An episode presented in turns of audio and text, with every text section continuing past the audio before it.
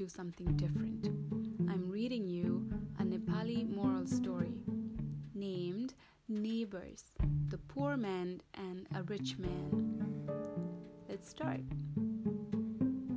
A poor cobbler and rich businessman were neighbors. The cobbler's house was also his workshop. He sang merrily while he mended shoes. He never felt necessary to shut and bolt the door and windows of his house. At night, he would say his prayers and go to bed. He enjoyed sound sleep all through the night. The rich man always saw the merry cobbler. He saw that there was nothing that worried his poor neighbor. But the rich man was full of worries himself. He could neither sing or smile. He always shut and bolted each and every door and window of his house at night. He could never sleep peacefully. He was always worried about the safety of his wealth. One day, the rich man called the cobbler to his house.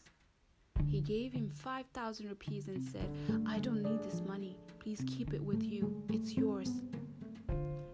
First, the cobbler was happy to receive the money, but soon the big amount of money disturbed his carefree and peaceful life. For the first time, he closed and bolted the door and windows of his house.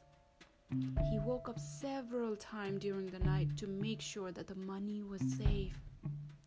The very next morning, the cobbler went to his rich neighbor's house. With folded hands, he said to the rich man, Sir, please take back your money so that my merry songs and sound sleep can come back to me. Now, I'd let you think what is the moral of the story?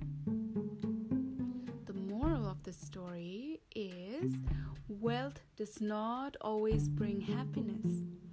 If the wealth is bringing you more worries than happiness, then what's the use of the wealth? Good day or have a good night.